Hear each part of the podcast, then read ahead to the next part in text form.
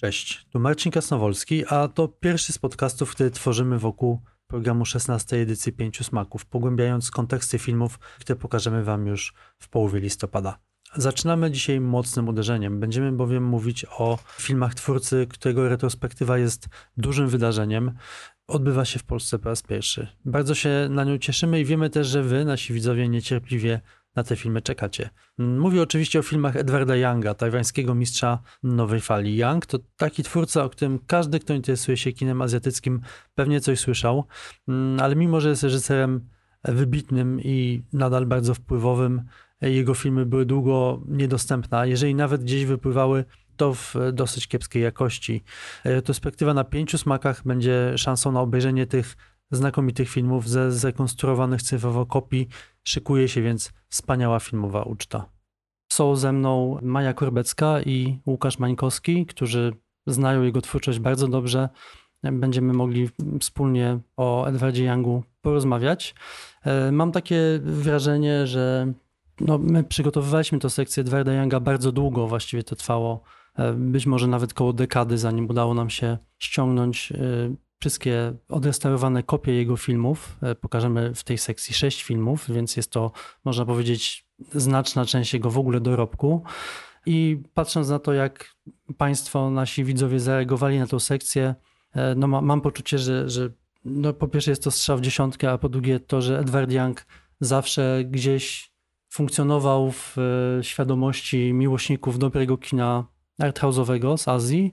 I też mam poczucie, że jest to twórca, który jest ważny dla, na przykład dla filmoznawców. I wydaje mi się, że wśród osób, które zareagowały bardzo entuzjastycznie na tę sekcję jest, jest trochę osób, które nie są naszymi stałymi widzami, ale właśnie Edward Young przyciągnie ich e, albo do kina, albo przed, przed komputery czy telewizory. Tutaj pytanie do was, czy wiecie dlaczego tak jest? Skąd ta niezwykła pozycja Edwarda Younga?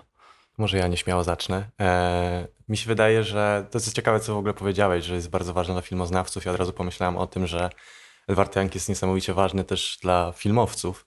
I, I myślę, że jego pozycja wynika też właśnie z tego, jak bardzo ukształtował pewne myślenie o chociażby o mieście, o operowaniu właśnie językiem wokół miasta, o, o czasie, o dźwięku, o montażu, że te, ten język jego filmowy jest na tyle wyrazisty, na tyle płynny i na tyle świadomy, a jednocześnie mam wrażenie, że jest to język, który w bardzo ciekawy sposób ewoluuje. I ta ewolucja wynika też, mam wrażenie, z perspektywy czasu, że z czasem um, filmy Edwarda Younga też zyskują bardzo mocno. I mam wrażenie, że, że ta retrospektywa, która w tym roku się odbywa, jest e, dla mnie osobiście takim ważnym momentem, bo też spoglądam na te filmy z takim ogromnym bagażem emocji, ogromnym takim też e, przywilejem czasowym, bo jednak to, to postrzeganie kina z perspektywy czasu jest zawsze takim ogromnym przywilejem. I mam wrażenie, że niektóre filmy, na przykład e, Konfucjańska Konsternacja jest takim właśnie filmem, który na przestrzeni lat bardzo mocno zyskał. I mam też wrażenie, że wielu twórców na przestrzeni tych lat bardzo mocno zainspirowało się Edwardem Youngiem. I jak oglądałem dokument Flowers of Taipei, tam mamy na samym początku Apichaponga Werasetakula, e, pojawia się Hirokazu Koreda, Kiyoshi Kurosawa. No ci twórcy wszyscy wymieniają Edwarda Younga jako kluczową postać do formowania się ich wrażliwości i ich języka filmowego i mam wrażenie, że znaczna część kina tego artystycznego, arthouse'owego, nie mogłaby istnieć po prostu bez Edwarda Younga. I, I, to jest, myślę, w jakiś sposób być może odpowiedź na to, dlaczego właśnie tak jest. My oglądaliśmy te filmy na kopiach, które były mocno niedoskonałe przez lata. Przypuszczam, że też większość, na przykład na filmoznawstwie oglądaliśmy na jakichś, nie wiem, zjechanych stac- taśmach VHS. Były to kopie nie zawsze legalne i na pewno niedoskonałe, ale no właśnie gdzieś tam ten Edward Young cały czas y, był, też funkcjonował razem z innymi twórcami tajwańskimi. No ale do ciebie Maju pytanie, bo ty spędziłaś trochę czasu na Tajwanie. Jak tam na przykład Edward Young funkcjonował właśnie przez te lata? To znaczy to jest bardzo ciekawe, co mówicie, ponieważ z mojej perspektywy jakby y, Edward Young jest takim reżyserem, o którym niewielu filmoznawców, też niewielu reżyserów jest, um, o, oczywiście ma taki status właśnie mistrza, czy takie, jest takim obiektem kultowego uwielbienia. Ale tak naprawdę mam wrażenie, że to jest taki reżyser, który jest postawiony na piedestale, ale tak naprawdę mało ludzi wie, jak do niego podejść, ponieważ był taki surowy. ponieważ ta konstrukcja jego filmów jest taka idealna. I po prostu mam wrażenie, że to jest e, właśnie reżyser, którego no, nie, nie do końca ludzie wie, wiedzą, jak, jak o nim dyskutować. To, to, jest też, też ciekawe, że bardzo jest mało opracowań jego prac. E, po angielsku na przykład jest książka Johna Andersona, jest kilka wywiadów dla Cineast, jest też jest dość dużo e, źródeł w języku francuskim ponieważ um, właśnie tam um, Edward Young miał wielu przyjaciół, na przykład Pierre Issien.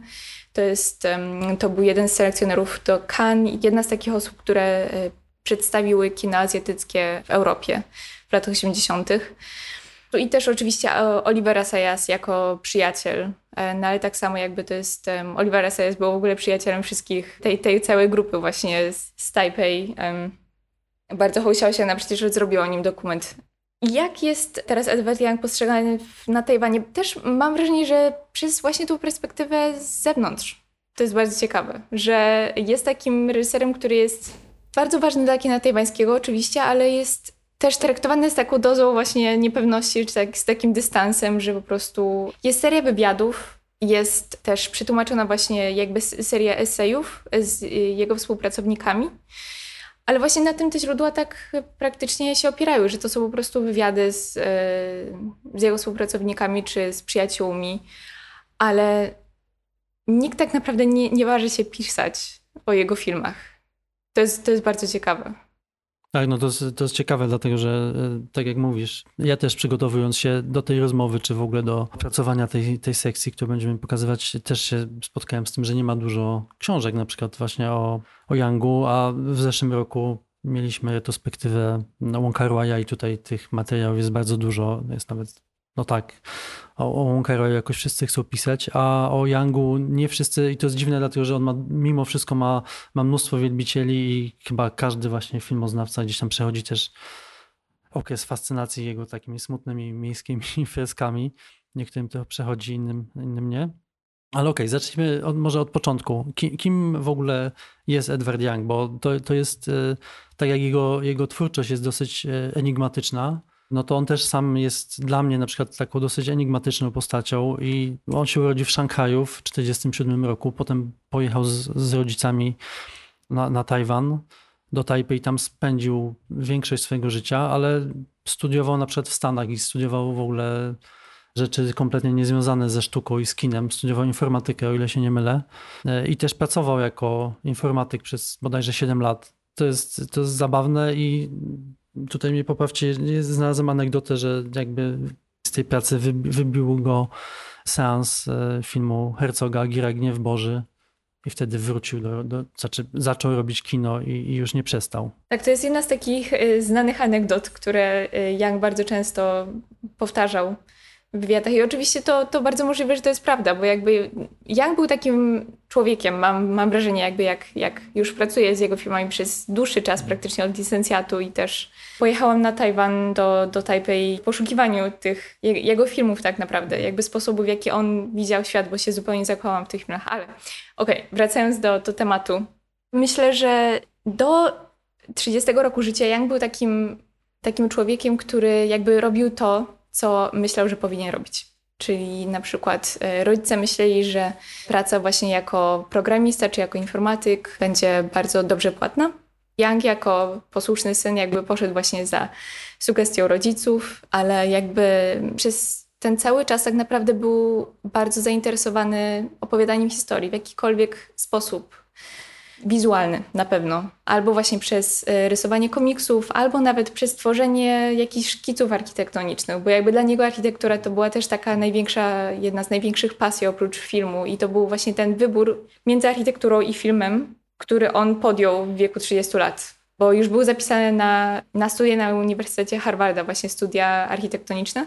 I może właśnie um, Herzog sprawił, że, że jednak wybrał e, tą karierę filmową, ale w innym wiedzie tak naprawdę Young wspomina, że został zapytany przez przyjaciela, czy jeśli wybrałby architekturę, czy, czy dalej marzyłby o filmie. I to było proste pytanie, na którego odpowiedź była, mm, no to była odpowiedź tak, więc dalej by chciał robić filmy.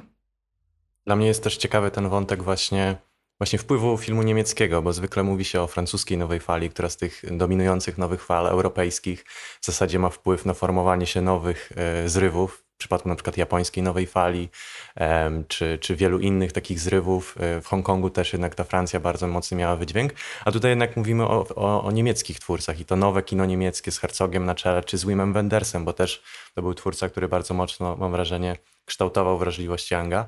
E, no i w ogóle ten cały manifest, który w latach 60.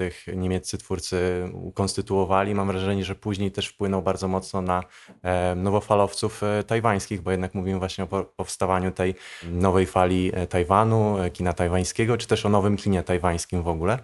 No i to jest ciekawe właśnie, jak mam wrażenie, że to jest takie uzupełnienie światowej historii kina, że jednak nie Francja, a jednak od strony Niemiec jakoś się właśnie to nowe kino tajwańskie rozwijało właśnie nie poprzez Godarta, czy Truffaut, czy innych francuskich nowofalowców, ale właśnie poprzez zupełnie inną wrażliwość. jest dla mnie pewien taki aspekt niesamowitości w tym, że z wrażliwości właśnie Herzoga i Wendersa wyrasta e, wrażliwość też właśnie tajwańskich nowofalowców, bo z jednej strony mm, można mówić o jakiejś takiej kontrastowej wrażliwości, że jednak coś, co wyrasta na takim wiem, bardziej surowym podejściu do kina, na, na ekspresjonizmie, jest później tak nieco romantyzowane i jak zestawić ze sobą Herzoga i Wendersa, to też jest ciekawa w ogóle specyfika tych, tych twórców.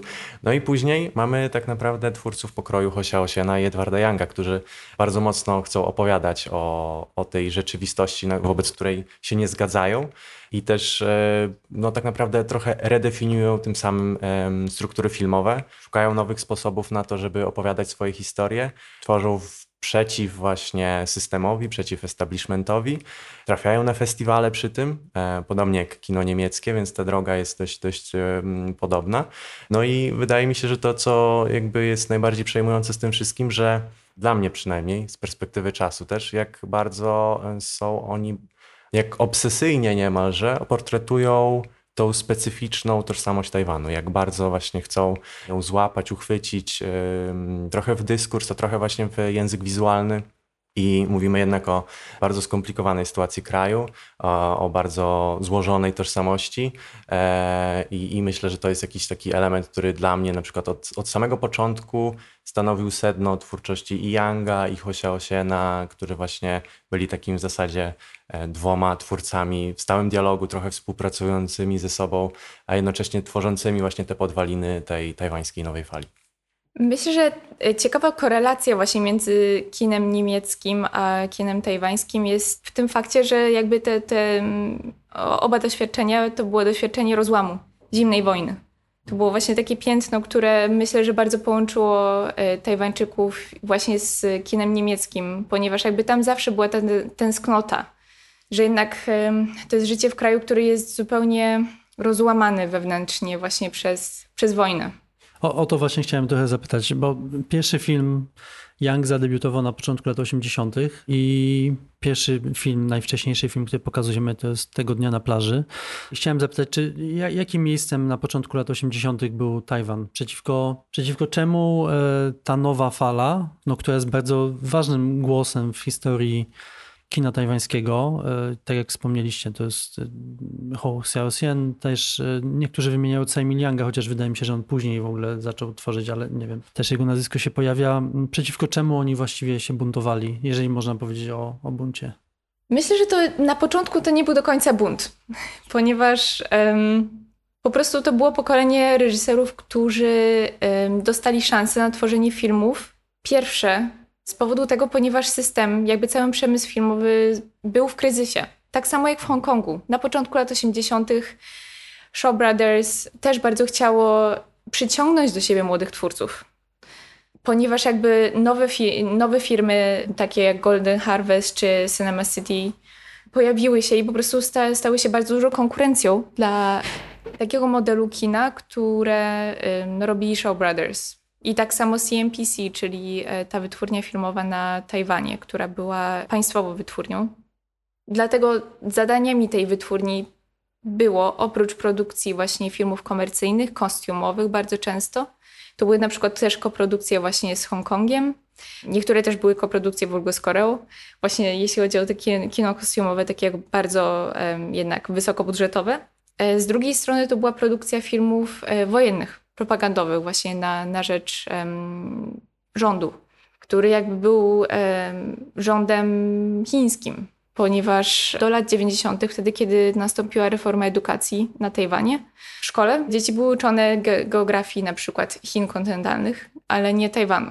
Czyli po prostu wszystko było podporządkowane temu, że jednak Tajwan to są Chiny, to jest Republika Chińska, jakby, no dalej przecież mają to w nazwie. Mhm. I dalej się posługują kalendarzem od czasu ustanowienia Republiki Chińskiej od 1911 roku. Pytając, jaki był Tajwan wtedy, nawet nie chodzi mi o, e, to, to też jest oczywiście ważne, jeżeli chodzi o sytuację polityczną, ale tej polityki w filmach Yanga nie ma tak dużo, ona jest oczywiście, ale wydaje mi się, że on bardziej się mówi, że on opowiada o, o tym, w jaki sposób to społeczeństwo Tajwanu się alienuje, nie chcę powiedzieć rozpada, ale tak, no, właściwie każda rodzina, którą on pokazuje w, w każdym swoim filmie, to jest rodzina, która się rozpada. Skąd taka refleksja? To jest bardzo ciekawe, że on w tych pierwszych filmach, jego bohaterami byli nie ludzie z rodzin takich jak on, czyli z rodzin właśnie imigrantów z Chin kontynentalnych, którzy przyjechali po 1949, hmm. tylko właśnie z tych rodzin które, chińskich, które były na Tajwanie już od kilkunastu pokoleń, czy od kilku pokoleń. Więc e, to, to, to są takie rodziny, które na przykład um, przeżyły kolonizację japońską, jakby były też e, wykształcone w tym systemie japońskim. Jakby to było w latach 80., jakby ten, ten po, e, pogoń za rozwojem ekonomicznym, myślę, że, że był, był taki najbardziej dominujący na wyspie, ponieważ no, pod koniec lat 70. już Tajwan stracił w ogóle jakby szansę, żeby być uznany jako państwo e, na arenie międzynarodowej. E, więc właśnie ten rozwój ekonomiczny to była jedyna szansa, żeby znaleźć jakąś stabilizację tam. I właśnie o tym mówi Young też e, w tego dnia na plaży, kiedy właśnie mąż głównej bohaterki trafia do firmy, takiej korporacji nowej, gdzie po prostu jest, um, musi się podporządkować tej kultury korporacji, która oczywiście zaczęła dominować właśnie wtedy, wtedy na Tajwanie. I myślę, że to jest bardzo. To był film, który z, z, był zrobiony w, w 82. Ale myślę, że te problemy małżeńskie, które Young pokazał w tym filmie, jakby one dalej, one dalej istnieją. Właśnie ten, to wejście z czasu właśnie po studiach do właśnie tego środowiska na przykład korporacyjnego, to jest coś, co jest naprawdę na, bliskie nawet naszemu pokoleniu. Pokoleniu właśnie, nie wiem, milenialsów. I tak było na przykład też, mam wrażenie, bliskie po, właśnie pokoleniu, które zaczęło pracować w korporacji w latach 80. czy w Polsce w 90. I to jest, y, to jest naprawdę szalenie ciekawe, że Young się nie, nie przeterminowuje. Nie, jego filmy się nie starzeją zupełnie.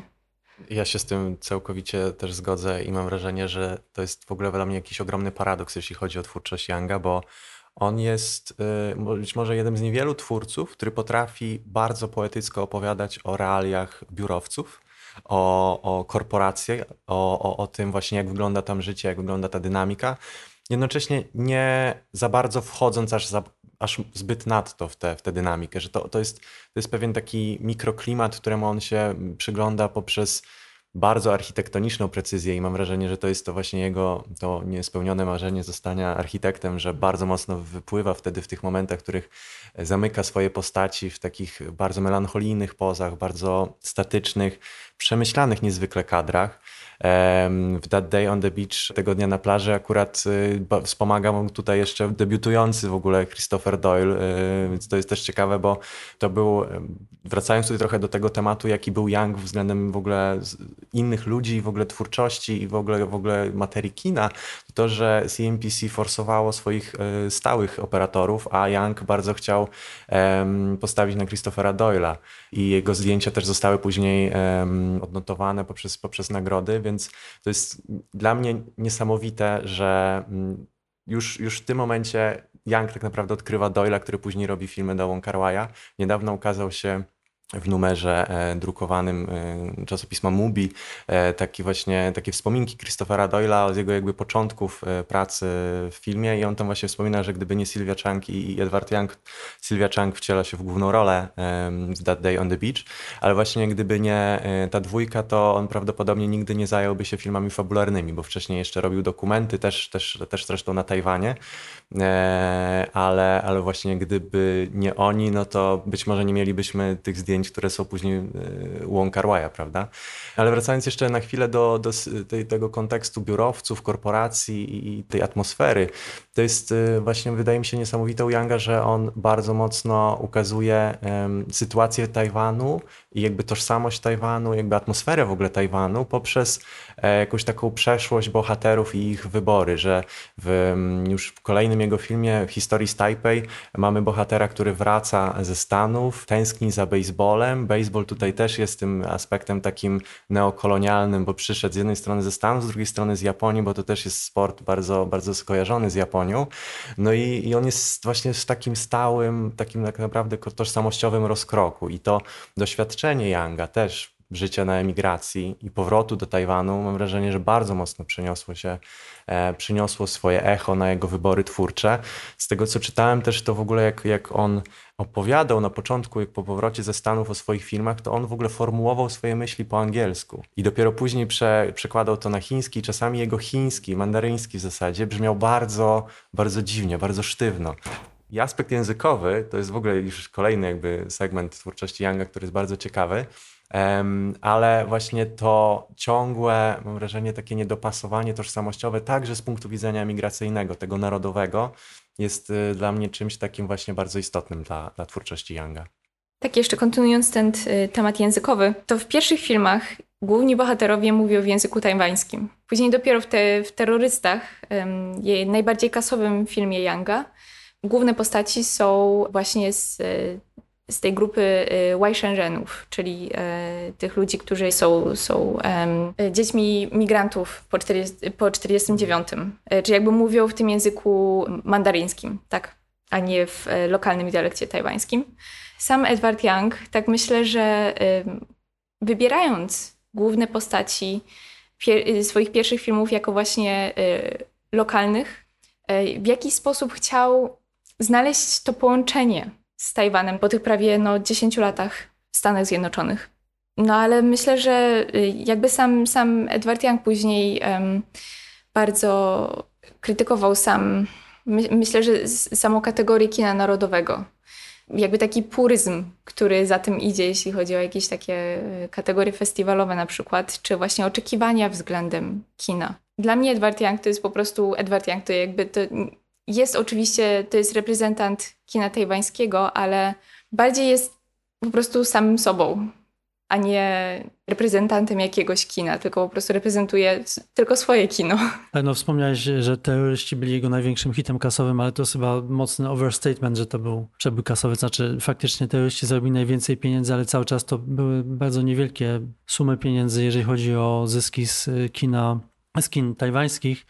Natomiast ja z kolei czytałem, że, że Edward Young w wywiadzie powiedział, że żaden z jego filmów nie, nie odniósł klapy finansowej, ale wynikało to tylko z tego, że te filmy się oglądały na świecie, a nie, nie na Tajwanie.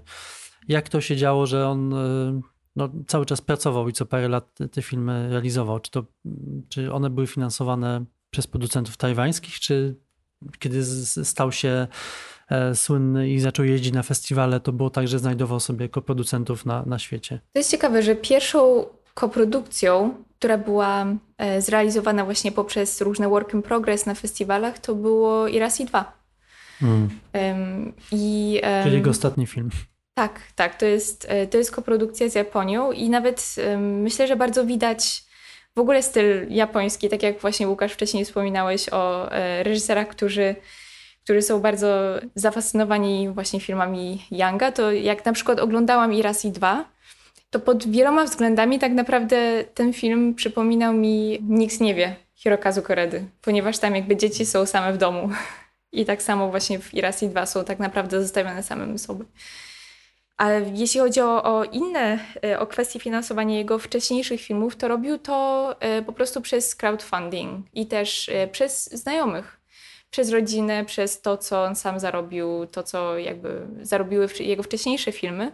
I, a tak, jeszcze, jeszcze wcześniejszą koprodukcją był w ogóle jego pierwszy film. Też tego dnia na plaży to była koprodukcja z takim małym studiem filmowym w Hongkongu. Czy, czy, czy w tym czasie mm, początków jego twórczości to poczucie wśród tych twórców nowofalowych, czy oni tworzyli jak, jakąś taką wspólną paczkę? Na, na przykład Hou Xiaoxian wystąpił przecież w historii w Taipei, fantastyczna zresztą rola. Czy to było tak, że oni się wspierali jakoś nawzajem, byli kumplami? Tak, na początku, e, wtedy jeszcze, kiedy jeszcze pracowali dla CMPC, tak, i nawet w tego dnia na plaży możemy zobaczyć jakby całą, jakby ta paczka kumpli e, męża głównej bohaterki, to są właśnie oni. Jest Ho Xiaoxian, jest Xiao Ye, jest Wu Nianzhen, który później wcielił się w główną rolę w Irasi 2 i to jest bardzo znany scenarzysta.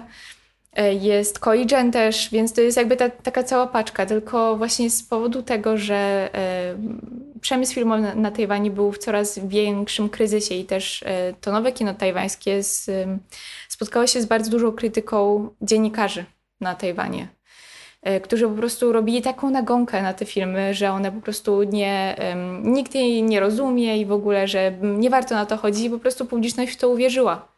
I dlatego po prostu ta sytuacja stała się coraz, coraz, coraz trudniejsza. I um, no, terroryści to jest naprawdę taki, taki ewenement, e, jeśli chodzi o, o to nowe kino tajwańskie, że jest jedynym, który tak naprawdę jest takim jakby rozrywkowym filmem, który naprawdę jakby się ogląda właśnie z suspensem, a to nie jest e, właśnie taki na przykład epic, czy właśnie bardzo taki autorski obraz na przykład doświadczeń z dzieciństwa, czy jakiś obraz rodziny. Ale jeśli chodzi o same koneksje Edwarda Younga, właśnie tak jak wspominałeś o festiwalach filmowych, to jest bardzo ważne, żeby zaznaczyć, że Edward Young był jedynym reżyserem e, tej, właśnie z, tego, z tej grupy, e, który był e, w stanie jechać na festiwale filmowe, ponieważ miał paszport Stanów Zjednoczonych, a nie tajwański.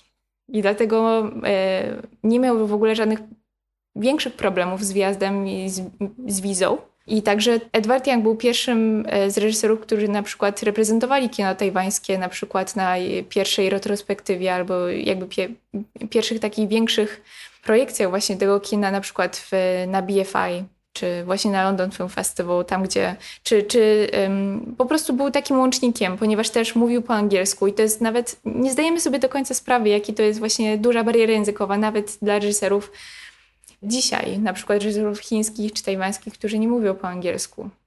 Właśnie ta umiejętność mówienia e, językami była bardzo, bardzo, bardzo dla niego ważna. Nawet jeśli po prostu później nie, nie za bardzo też, jakby się stał, stał się ważniejszy, ponieważ e, myślę, że jest, bardziej się wpisuje właśnie w, ten, w, tą kategorię kina narodowego niż Edward Young. Po terrorystach, którzy nazwijmy, że byli względnym sukcesem na, na Tajwanie, mm, kolejny film Young zrealizował dopiero 5 lat później i był to Jasny Dzień Lata, czyli taki chyba jego najbardziej, tak mi się wydaje, międzynarodowo rozpoznawalny film. E, epicki fresk, w którym Young wraca do lat 60.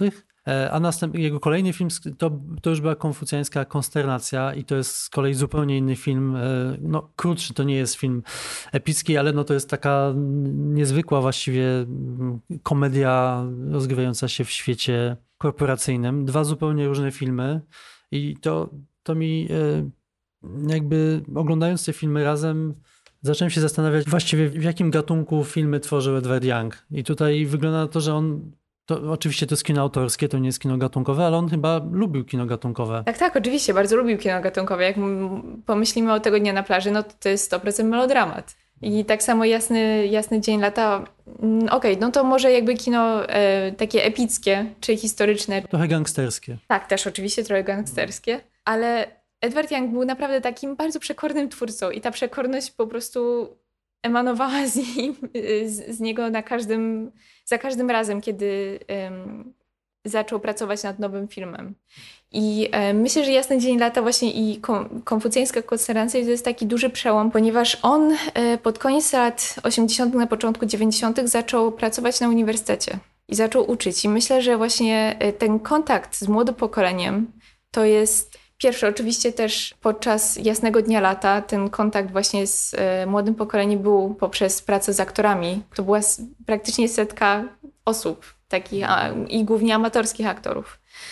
Później, jak właśnie zaczął uczyć na, na uniwersytecie, to zaczął się właśnie interesować tym młodym pokoleniem, które zaczęło e, właśnie pracę w latach 90., gdzieś właśnie w korporacjach, czy jak oni, em, nie wiem, jakie mają aspiracje, czy jak, jak traktują na, na przykład etykę na przykład w, w, w em, pracy, czy e, w ogóle twórczość, bo też był, mam wrażenie, pod bardzo dużym w bardzo dużym szoku, jak w ogóle media zaczynają działać właśnie w tym wolnym Tajwanie. Jak są skomercjalizowane bardzo i pod, pod jakim dużym wpływem właśnie tej komercjalizacji hongkońskiej są media tajwańskie właśnie od, od początku lat 90. Jak, no właśnie, jak to młode- pokolenie będzie kontynuować, czy w ogóle, w ogóle nowe kino tajwańskie będzie mieć jakichś y, spadkobierców. No tak, to, to, jest, to co jest ciekawe w, w konfucjańskiej konsternacji, to to, że on obrazuje jakby klasę no, ludzi bardzo bogatych. Ja przyznam, że jak zacząłem oglądać ten film, to w, w ogóle ta jakby dużo czasu mi zajęło wejście w ten, e, nawet nie stylistykę, tylko w poetykę tego filmu. Ona jest niesamowita. To jest jakieś takie Beverly Hills po prostu w, w, na Tajwanie, jak zaczęli wyciągać te telefony komórkowe takie z antenką, po prostu niesamowite. Jednocześnie no jest, to, jest to taka bardzo zjadliwa satyra. Ty, Łukasz, widziałeś w Wenecji ten film. Jak on tam został odebrany przez, przez publiczność? To dla mnie było w ogóle niesamowite doświadczenie, bo też widziałem ten film bardzo dawno i widziałem go w bardzo kiepskiej kopii, więc dodam po prostu na początek, że, że ogląda się to świetnie, ze względu na to, że po prostu ten film ma swoje faktury takie, jakie po prostu, na jakie zasługiwał.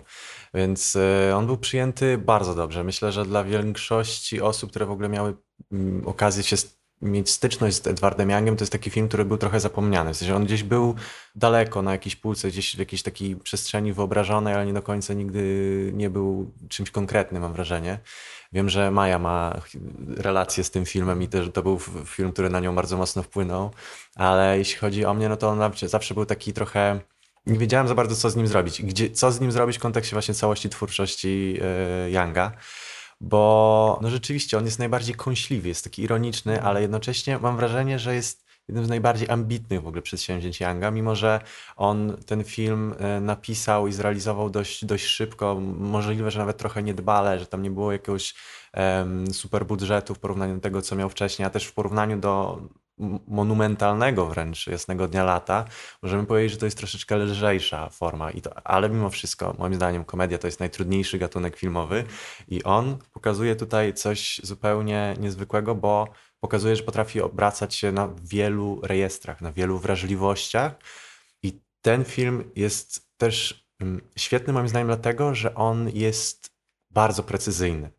To jest bardzo polifoniczna historia i to jest też taki element, który wyróżnia Younga na tle innych filmowców, że on rzadko kiedy, być może poza, poza tymi swoimi pierwszymi filmami, ale zawsze to i tak u niego są 3-4 minimum postaci. To, u niego jakby bohater filmowy to jest bardziej miasto niż, niż jedna postać. I to jest ten bohater kolektywny. I przez to mam wrażenie, że konfucjańska konsternacja to jest komedia, melodramat, bardzo satyryczna, bardzo ironiczna. Jest takim dowodem, jakimś takim ostatecznym być może na jakby kunszt Younga, że jego właśnie chęć em, operowania różnymi gatunkami, e, różnymi e, też tutaj takimi powiedziałbym estetykami, bo jednak tutaj mamy zdarzenie też takiej bardzo mm, powieściowej narracji, bo ma, są elementy właśnie powieści wplecione z czymś takim, z taką symfonią wręcz miejską i to jest, to jest coś, co właśnie mam wrażenie, że trochę zszokowało ludzi w Wenecji. Że... Tak, mi się, mi się to skojarzyło w ogóle z Jacques'em Tati i z Robertem Altmanem. e, tak, strony. tak, tak, zdecydowanie. Tak, jeśli chodzi o Altmana, to też e, po prostu tam jest taka, każde postaci są po prostu w idealnej choreografii w przestrzeni. I każda z postaci jest tak naprawdę ważna, każda niesie swoją własną historię i po prostu to, jak kamera je, ka- kadruje postaci, jakby jest bardzo często stat- statyczna oczywiście, ale właśnie nie dlatego, że po prostu to jest takie le- leniwy wybór, tylko po prostu to jest wszystko bardzo precyzyjnie obliczone. I to jest ciekawe, że że y, bardzo wiele ludzi wspomina, że Young y, na planie filmowym bardzo często był widoczny w y, słuchawkach i słuchał praktycznie przez cały czas muzyki klasycznej. I właśnie pamiętam, że chyba Winnie Jen kiedyś się go zapytał, właśnie czego on słucha i dlaczego on ciągle słuchał właśnie na planie filmowym. I powiedział mu, że jakby muzyka klasyczna sprawia, że on może sobie to wszystko poukładać w głowie jakby tak idealnie, konstrukcyjnie właśnie mówi, że słucha struktury, że jakby słucha też to, tej struktury narracji, tak e, jak, że, że każda z tych postaci jest tak naprawdę na przykład linią melodyczną, oddzielną. Tak, to jest zdecydowanie film, którego, który warto obejrzeć co najmniej dwa razy. Znaczy ja po jednym obejrzeniu mam poczucie, że powinienem obejrzeć ten film drugi raz, dlatego że tam faktycznie to, to wszystko jest niezwykle precyzyjne i na pewno więcej się widzi za, za drugim e, razem. E, no tak, tak, to jest zdumiewający film, absolutnie. Ten w ogóle aspekt w ogóle struktury muzycznej to jest też coś, co, co, na co zwróciła mi uwagę właśnie Kylie Peng, czyli wdowa po Edwardzie Youngu, z którą miałam okazję właśnie się spotkać w Wenecji po pokazie konfucjańskiej konsternacji. I ona powiedziała mi taką właśnie rzecz, na którą w ogóle wcześniej nie zwracałem uwagi, że ten właśnie film jest skonstruowany w ogóle jak, jak utwory muzyczne, muzyki klasycznej, a dokładniej wskazała na jeden, który po prostu Young miał wtedy obsesję na, na, tym, na punkcie tego utworu i to była Chopinowska Preluda 24, więc jakby też bardzo dużo mówi o tym, jak on właśnie konstruował swoje narracje. I myślę, że to jest, to jest taki trochę klucz do w ogóle patrzenia na to, jak on, on myśli o, o właśnie języku filmu w kontekście tego, że te filmy są bardzo polifoniczne i właśnie jak muszą dobrze zeskakiwać i że, że trudno, że mam wrażenie, że, że to totalnie ma sens. W sensie, że że właśnie muzyka klasyczna jako takie właśnie płótno dla niego, żeby wzorować się i, i, i tworzyć na podstawie tego na kanwie właśnie e, jakiejś, jakiejś takiej struktury tych utworów e, swoje bardzo e, złożone historie. Myślę, że to jest ciekawe, że też jakby muzyka bardzo koreluje w ogóle z relacją między postaciami, bo jak mówimy o konfucjańskiej konsternacji, to oczywiście muszę nawiązać do konfucjanizmu, tak? Jakby w filozofii konfucjańskiej jest jakby takie, takie przekonanie o tym, że społeczeństwo powinno działać jakby każda, każda warstwa społeczna powinna działać w harmonii, że po prostu jakby każda, każdy człowiek jest naprawdę taką właśnie linią melodyczną, która jakby powinien znać dokładnie swoje własne miejsce w tym całym utworze, w całym społeczeństwie. I po prostu ta właśnie refleksja nad muzyką jest też taka bardzo konfucjańska, więc to jest takie trochę właśnie przekolne, że właśnie Edward Young bardzo um, krytykował konfucjanizm. I no, te, ten film to jest po prostu no, na, najlepszy przykład i najbardziej kąśliwa właśnie krytyka tego, tego całego społeczeństwa konfucjańskiego, ale z drugiej strony właśnie przez tą tradycję jakby dalej to jakoś żyje. Też ciekawe, że bardzo często właśnie ta muzyka wraca w jakichś e, takich mam wrażenie, sentymentach z przeszłości. Jeśli spojrzymy w ogóle na e, tego dnia na plaży, no to jedna z bohaterek jest pianistką, która wyjechała do Niemiec i jakby tam jest też taki właśnie motyw czegoś niespełnionego. Z kolei w jego ostatnim filmie, też e, Irasi 2, pojawia się ten motyw muzyki jako też jakiś rodzaj tęsknoty, bo jednak jedna z głównych postaci, była, była miłość głównego bohatera w zasadzie, jest kompozytorką, którą e, on się później spotyka też w Japonii. I, i, to, i czy ona jest właśnie grana przez Kylie Peng?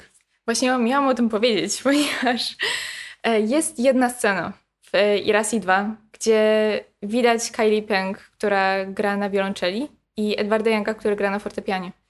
I to jest właśnie e, w sali koncertowej, w scenie, gdzie Ting Ting i Fatih się spotykają na randkę. I mam wrażenie, że właśnie, nie wiem, i w Irasi 2 ta tęsknota jest właśnie przez to, że, ta, że oni oboje są razem w filmie. To jest po prostu taka wreszcie, że Edward Young znalazł taką właśnie idealną partnerkę, że jakby mo mogło razem tworzyć. To jest po prostu, no mam wrażenie, że coś, czego szukał przez całe życie. I też właśnie no, ze swoją wcześniejszą żoną, która właśnie też zajmowała się muzyką. Tsai to jest jakby wielka gwiazda popu która grała też w No Taipei Story, tak, w historii z Taipei, yy, główną bohaterkę. No właśnie, i, i Res i 2 to jest e, ostatni film Younga, ale on nie, nie miał być ostatni, znaczy Young zmarł przedwcześnie, on miał projekty kolejne, rozwijał, natomiast jest to film y, najbardziej znany na pewno międzynarodowo, dlatego że ja nawet pamiętam, że on był w kinach w Polsce w e, dystrybucji pewnie dosyć ograniczonej, ale, ale jednak był. E, no i to, też sukces na festiwalu w Cannes, gdzie dostał nagrodę za reżyserię i też wydaje mi się, że jest to film, który bardzo dużo wątków z jego twórczości jakby zbiera. E, takich wątków, które się oczywiście wcześniej przewijały, ale e, no on już był tak sprawnym narracyjnie mistrzem, że, że zebrał je w jakąś taką formę bardzo już doskonałą. Pojawia się tam oczywiście, znaczy jest to film o rodzinie, która też no, rozpada się od środka, jest tam miasto jako bohater też równorzędny. E, architektura, która jest filmowana w bardzo specyficzny sposób, to, no to jest takie jego opus magnum prawdopodobnie. Ja mam wrażenie też, że zgodzę się z tym pełni, że to jest, to jest opus, opus magnum, ale mam też wrażenie, że to jest, to jest taka idealna cygiełka do tego, żeby wytworzyć w ogóle e, ten, ten mit Younga. W sensie, że to wracając troszeczkę do początku naszej rozmowy, dlaczego jakby dlaczego Young i dlaczego w ogóle retrospektywa i dlaczego taka, a nie inna w ogóle e, opinia o Youngu i jakby recepcja jego twórczości, że to jest twórczość, która się kończy nagle i to jest twórczość, która kończy się ze słowami, nie powiem jakimi, nie chcę tutaj zdradzać końca filmu, ale że ten film jest takim właśnie też pożegnaniem i, i pożegnaniem paradoksalnie z widzianym oczyma dziecka. Ale no jest to, mam wrażenie, takie bardzo swoiste podsumowanie pewnej filmowej drogi. I co ciekawe, właśnie w trakcie Wenecji dowiedziałem się, że, że będą realizowane cztery filmy na podstawie pomysłów i scenariuszy nieukończonych Edwarda Younga. Zostaną wyreżyserowane przez cztery reżyserki, więc to jest też ciekawe, że, że Kylie Peng właśnie szuka jeszcze jakichś projektów, żeby dalej tego ducha Younga podtrzymywać. I i to jest właśnie może jakieś taki, mm, takie symptomatyczne, bo jednak no, minęło w zasadzie 15, mija 15 lat od śmierci Edwarda Younga. I, i że być może jego, jego wrażliwość, nie wiem, to jest, to jest jakieś może moje myślenie życzeniowe, ale być może właśnie jego wrażliwość jest idealna na te czasy, które aktualnie są, że jak oglądam konfucjańską konsternację, to czuję, jak bardzo ten film opowiada o tym, co jest tu i teraz, mimo że jest osadzony w rzeczywistości lat 90. Być może te jego pomysły, a, a, a jestem pewien, że, że są wyjątkowe i że to będą bardzo ciekawe projekty, też właśnie teraz mają szansę zaistnieć. Bo to też jest w ogóle ciekawe, że on zrealizował, miał realizować film chociażby z Meg Ryan i z Jackiem Chanem, jakiś, melodramat, który miał się dziać w Stanach miał e, zrealizować animację, bo był przecież e, wytrawnym rysownikiem i kochał zresztą i komiksy i, i, i wielokrotnie e, rysował i tworzył też, też swoje rysunki, więc, więc to jest no, ciekawe, jak ta twórczość, dla mnie zawsze, zawsze zastanawiam się, czy jakby, jak, co by tworzył teraz na przykład. O tym, co zostało dzisiaj z jego twórczości, myślę, że na końcu porozmawiamy. Natomiast ja chciałbym jeszcze Was zapytać, obraz społeczeństwa tajwańskiego i w ogóle Tajwanu, jaki możemy narysować, oglądając filmy Younga, nie jest zbyt e, optymistyczny ani pozytywny. Znaczy jest to, e, jest to obraz miasta, które właśnie jest bardzo wyalienowane, pełny ludzi, ale ludzi samotnych, ludzi raczej smutnych, e, no, takiego szklanego, szklanej dżungli. Czy, dostrzega, czy tak faktycznie jest? Czy dostrzegacie w jego filmach jednak jakąś nadzieję i optymizm na przyszłość? Myślę, że w każdym filmie jest nadzieja optymizm na przyszłość. Właśnie to jest, myślę, że idealnym momentem, który to jakoś podsumowuje, jest właśnie ostatnia scena konfucjańskiej konsternacji. Dla Edwarda Younga moment wejścia do windy to jest właśnie ten moment, gdzie ma zawsze nadzieję, że to jest jakby, to jest nowy początek, że jakby zawsze można wszystko zmienić, że zawsze jest nadzieja na miłość. I myślę, że jakby y, w każdym filmie to można znaleźć tylko po prostu jakby w y, tego dnia na plaży. Tak naprawdę koniec filmu jest też nowym początkiem dla głównej bohaterki. Ona po prostu idzie. Tyle. I w jasnym dniu lata, nawet jeśli to jest, e, no, no, no jakby kończy się bardzo, bardzo skomplikowanie ten film, ale po prostu jakby dalej jest właśnie ta, ta emisja radiowa, która mówi o nowym pokoleniu, które się dostało na uniwersytet to jest właśnie ciągle, ciągle ta nadzieja, że jednak świat się zmieni.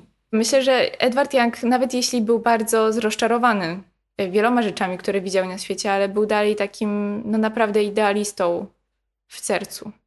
Ja myślę też, że, że to trochę widać po takiej trajektorii całej jego twórczości, która zaczyna się od takich dość może posępnych y, introspekcji, jakiegoś spoglądania w przeszłość, e, rozliczania się z różnymi, z różnymi rzeczami związanymi z tożsamością Tajwanu i z tożsamością głównych bohaterów. Pojawia się dużo śmierci, ta śmierć zwykle przychodzi w ciemności, jest bardzo charakterystyczna u Yanga. I mam wrażenie, że, że to może po roku też 87, kiedy też zniesiony zostanie e, stan wojenny w Tajwanie, być może jakoś on coraz bardziej zaczyna patrzeć na świat w jakichś jaśniejszych barwach. I być może też właśnie po, po konfucjańskiej konsternacji, która też jest tak, taka charakterystyczna scena, która cytuje, mam wrażenie, jego wcześniejsze filmy i ma się wrażenie, że zaraz ktoś umrze, jeśli się zna poprzednie filmy Younga, że, że zaraz ktoś zostanie zasztylatowany od tyłu, albo, bo jest tak, takie praktycznie thrillerowa wręcz jedna scena w, w, w ciemności i ta śmierć nie nadchodzi. I dla mnie właśnie to też jest y, jakiś taki jangowski, jakieś jangowskie mrugnięcie okiem, że hej, zmieniłem się. I być może właśnie już nie patrzę na, na świat w tak y, ponurych barwach, że może właśnie jest tam jakaś nadzieja i ona się tli. Najbardziej chyba mam wrażenie e, w Yi, bo, bo to jest film, który już też Young zrealizował, kiedy sam był już ojcem i, i patrzy na świat już właśnie z taką ojcowską może trochę troskliwością, opiekuńczością, bardzo empatycznie portretuje tego głównego bohatera, którego też trochę przekornie nazywa Yang Yang, więc to jest, to jest ciekawe. I, I, zgodzę się Maju z tobą z tym, że, że porównałaś ten film do, do Koredy i jego właśnie wrażliwości i perspektywy dziecięcej. Tutaj totalnie się, się z tym zgadzam. I myślę, że właśnie w też w takiej, e, w tym spojrzeniu bym odszukiwał jakoś, właśnie jakąś nadzieję, że że Young jednak był w stanie, był w stanie dostrzec coś dla, dla siebie, jakąś właśnie nadzieję, że ten świat się zmieni, pomimo tego właśnie jak bardzo był nim rozczarowany, niejednokrotnie. Tak, jeśli chodzi nawet, um, może jeszcze dopowiem, dlaczego te, te filmy są właśnie są postrzegane jako taki bardzo negatywny świat. Musimy pamiętać o tym, że na pewno to jest tylko mały ułamek rzeczywistości Taipei. I to tylko Taipei, tak naprawdę. Tak, ale to jest ten ułamek, y, który Young chciał pokazać i to tak, w bardzo tak. specyficzny sposób, kręcąc tak, tak. jakby wszystko za szyby dosłownie. Więc. Tak, i jakby to jest. Um, bardzo wielu reżyserów w ogóle mu wyrzucało to, że jakby jego sposób spojrzenia na świat to jest jakby zupełnie dla nich coś, coś obcego. Na przykład Wu Nian który jakby był z e, rodziny, e, z klasy pracowniczej. Ta świadomość klasowa myślę, że jest niemożliwie ważna u Younga. Jakby zawsze widzimy, jakie są zależności klasowe między bohaterami. Może dlatego był, był taki wrażliwy na te właśnie różnice klasowe, dlatego że jakby sam pochodził z, no, z klasy inteligenckiej, jakby z rodziny inteligenckiej. I bardzo często mam wrażenie, nawet później w środowisku filmowców był troszeczkę wyalienowany właśnie z tego powodu, że był postrzegany jako uprzywilejowany ponieważ miał szansę, żeby wyjechać do Stanów. Jego rodzina jakby mogła sobie na to pozwolić i też e, jakby później jego młodsza siostra też wyjechała do Stanów. Więc po prostu myślę, że to też mogło być jednym z powodów tego rozłamu między właśnie tą, tą, tą grupą reżyserów, ponieważ no, świat znajomy Youngowi, który chciał, ponieważ sam z tej klasy wywodził się, więc jakby nie, nie, nie mógł oszukiwać widzów też i, i siebie samego, że po prostu może portretować cokolwiek innego, co, mhm. czego jakby nie zna, co było po prostu takim spojrzeniem, nie wiem, nawet um, orientalistycznym, czy właśnie takim neokolonialnym, tak jak, um, no bardzo często mam wrażenie, że się tak, tak zdarza, że jeśli na przykład reżyser właśnie z um, z klasy wyższej, czy właśnie wyedukowany gdzieś na uniwersytetach, nie wiem, po prostu patrzy właśnie z, troszeczkę z taką wyższością, czy właśnie z takim egzotyzmem na, na e, nie wiem, to właśnie społeczeństwo, nie wiem, klasy pracującej, czy klasy e, niższej. Dla mnie na przykład to, co jest to, co ta klasa średnia, a mimo wszystko właśnie wszyscy bohaterowie Younga to są, to są przedstawiciele tej klasy średniej, to, co ta klasa średnia umożliwia Youngowi, to jest też e, opowiadanie poprzez przedmioty bardzo charakterystyczne dla klasy średniej. W sensie wielokrotnie pojawiają się na przykład y, winyle, jakieś w ogóle urządzenia, które teraz nam bardzo się kojarzą z taką kulturą vintage, które były um, sprowadzane głównie z Japonii, więc mamy tutaj w zasadzie taką piękną reklamówkę ogromnej gamy przedmiotów, które się składają na przepięknie zresztą zaaranżowane wnętrza i te wnętrza też mówią historię. I właśnie do czego zmierzam, to to, że Young z jednej strony opowiada o, o, swoich postaciach poprzez ich relacje, ale też opowiada o swoich postaciach poprzez ich przedmioty. I mam wrażenie, że przez to, że tak bardzo był przesiąknięty tą kulturą typową dla klasy średniej i przez to właśnie, że sam się wywodził ze, z klasy średniej, on jest w stanie właśnie po.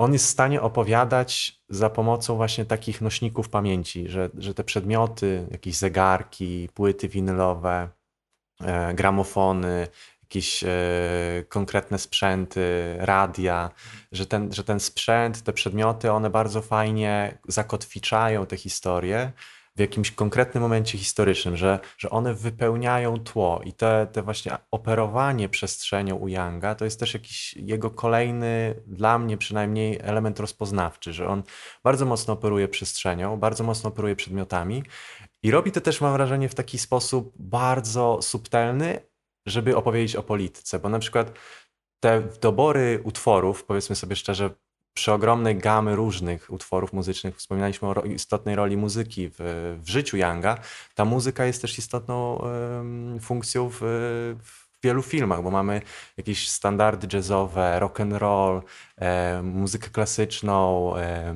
operę pekińską, więc jakby to jest, to jest ogromna, ogromny przekrój. E, I co ciekawe, właśnie mam wrażenie, że chyba najbardziej w jasnym dniu lata ta, ta muzyka jest taka mm, symptomatyczna, bo mam wrażenie, że opowiada o jakimś echu zimnej wojny, która się rozgrywa i o tym, że, że te płyty w zasadzie które, do których mają dostęp, e, do, do których mają dostęp wytwórnie radiowe, które puszczają muzykę w radiu, którą później tak trochę ślepo powtarzają młodzi, którą śpiewają i wielokrotnie śpiewają utwory e, Elvisa Presleya, chociażby Are You Lonesome Tonight, z tego bierze się zresztą tytuł Brighter Summer Day, że to są utwory, które zagłuszają to, co się dzieje na, na froncie w Wietnamie, w w, w, w Azji Południowo-Wschodniej, że to jest, to jest zagłuszanie jakiejś dominacji e, Stanów Zjednoczonych, bo to też jest ciekawe, że te płyty w zasadzie trafiały e, do Tajwanu z E, właśnie poprzez wojskowe w zasadzie samoloty i to, to były specjalne jakieś kontrakty, które miały stacje radiowe z, z wojskiem I, i te płyty trafiały do, do Tajwanu właśnie dzięki temu, że, że właśnie no, była, była dominacja na, w zasadzie na polu y, Pacyfiku ze strony właśnie y, armii amerykańskiej. To jest dla mnie strasznie ciekawy mo motyw, że, że to radio, że muzyka, która wybrzmiała tak bardzo niewinnie, że to jest po prostu tylko rock and roll, jest, jest jakimś takim mrugnięciem do tego tematu bardzo nasyconego politycznie. To jest bardzo ciekawe, że właśnie poruszyłeś ten e, temat radia. To radio właśnie Armii Stanów Zjednoczonych dalej istnieje i dalej ludzie tego słuchają. Więc e, i dalej podobno puszczają bardzo dobrą muzykę i to jest, to jest taki ewenement, jeśli chodzi o właśnie środowisko medialne na Tajwanie, że właśnie to jest taka stacja radiowa, która dalej jest poważana w jakikolwiek sposób. Wspomniałeś Łukasz o tytułach. Myślę, że też warto o tym wspomnieć, że e, wszystkie filmy Younga mają w zasadzie no, tytuły chińskie, ale też tytuły angielskie i to Young nadawał e, zarówno i te i te i te tytuły bardzo często się różnią od siebie. Dobrze brzmią zapewne po chińsku i po angielsku, a nasza rola też no, osób, które przygotowują te, te filmy dla polskiej publiczności była taka, żeby znaleźć najlepsze tłumaczenie na polski co nie zawsze było łatwe, ale myślę, że, że daliśmy radę. Właśnie jestem bardzo ciekawa, kto wpadł na pomysł konfucjańskiej konsternacji, bo myślę, że to jest idealne tłumaczenie. Kuba. A, okej. Okay. E, na koniec e, chciałbym was zapytać, właśnie już zasygnalizowałem to pytanie, co w kinie tajwańskim zostało z Yanga. Mamy w tym roku na Tajwanie była, odbyła się premiera filmu Terrorizers. Jest to film no, fabularnie niezwiązany z, z filmem Yanga, ale jednak film, który ma bardzo podobną tematykę i podobną konstrukcję w zasadzie. Jest to luźno związane ze sobą epizody i postaci. Jest alienacja jednostek w dużym mieście i też takie wybuchy nagłej, e, niezapowiedzianej przemocy. Czy czy to jest jakiś wyjątek, czy, czy kino tajwańskie współczesne cały czas żyje Yangiem i jakoś go przetwarza? To znaczy, jak dla mnie Terrorizers nie mają tak naprawdę połączenia z terrorystami. E, ale jeśli chodzi o, o, Oczywiście jest bardzo duża... Um, bo Ding, jakby reżyser y, terrorystów, tak naprawdę nie ma osobistego połączenia z Yangiem. Ale, ma, ale, ale zna jego film i z jakiegoś powodu nazwał go dokładnie tak samo. Tak, to prawda, ale to jest ciekawe właśnie z jakiego powodu.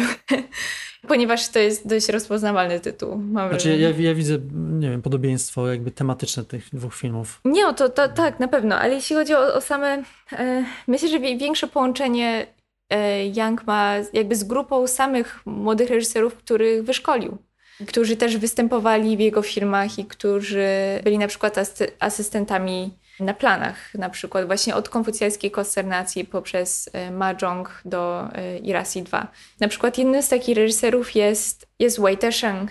E, Może on nie, nie ma aż takiego dużego połączenia z Yangiem, ale był jednym z jego uczniów. I właśnie jak wspomina on, on był asystentem przy um, Mahjongu.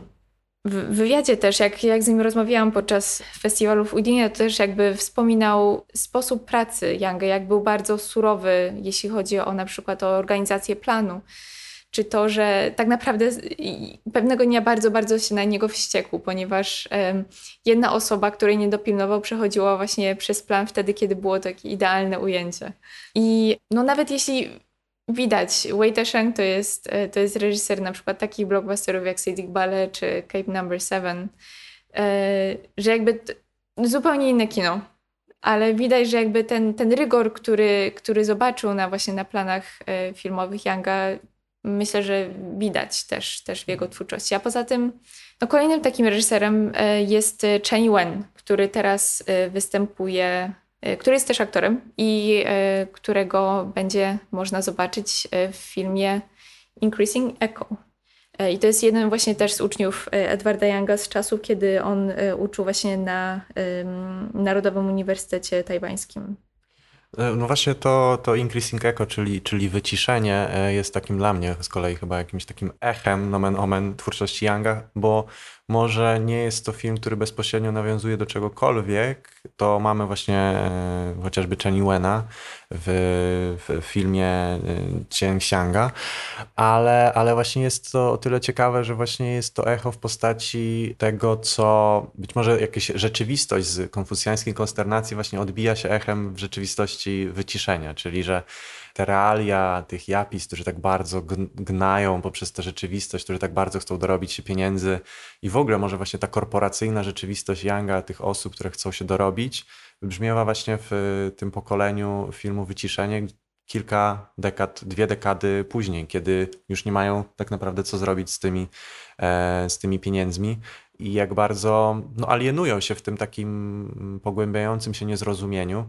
E, I myślę, że, że może to jest jakiś trop wobec e, tego, o czym chcą opowiadać e, młodzi tajwańscy twórcy, że jednak ten Tajwan i Tajpej jest dalej jakimś takim miejscem, które jest sceną dla niezrozumienia, dla jakiegoś takiego społecznego dystansu, nie tylko ze względu na, na pandemię, ale że, że ci twórcy nie chcą koncentrować się na jednych bohaterach, na, na, na, takim klasycznym zestawieniu dwójki bohaterów, protagonista, antagonista, tylko też trochę chcą, mam wrażenie, portretować miasto. I, i może to jest jakiś trop właśnie z, z filmem Terroryści Howardinga, że że on też y, skupia się na tej takiej kolektywnej soczewce, że jednak y, stara się zobrazować jakieś zmiany miasta z tym uwzględnieniem gier komputerowych, social mediów, tej, tej presji, która idzie y, z, z, związana jest z internetem, z, właśnie z takim uwzględnieniem nowych, nowych tematów. Jak sobie myślę o Edwardzie Youngu i o Irasi 2, to tam jest scena bardzo charakterystyczna, kiedy nagle wskakuje moment z gry komputerowej.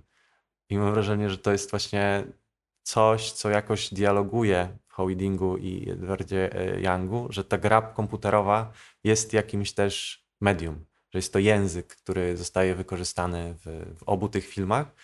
Mm, No i w obu tych filmach jest to związane z jakimś tragicznym w skutkach wydarzeniem, więc to jest, mam wrażenie, dla mnie jakieś połączenie pomiędzy tymi dwoma twórcami.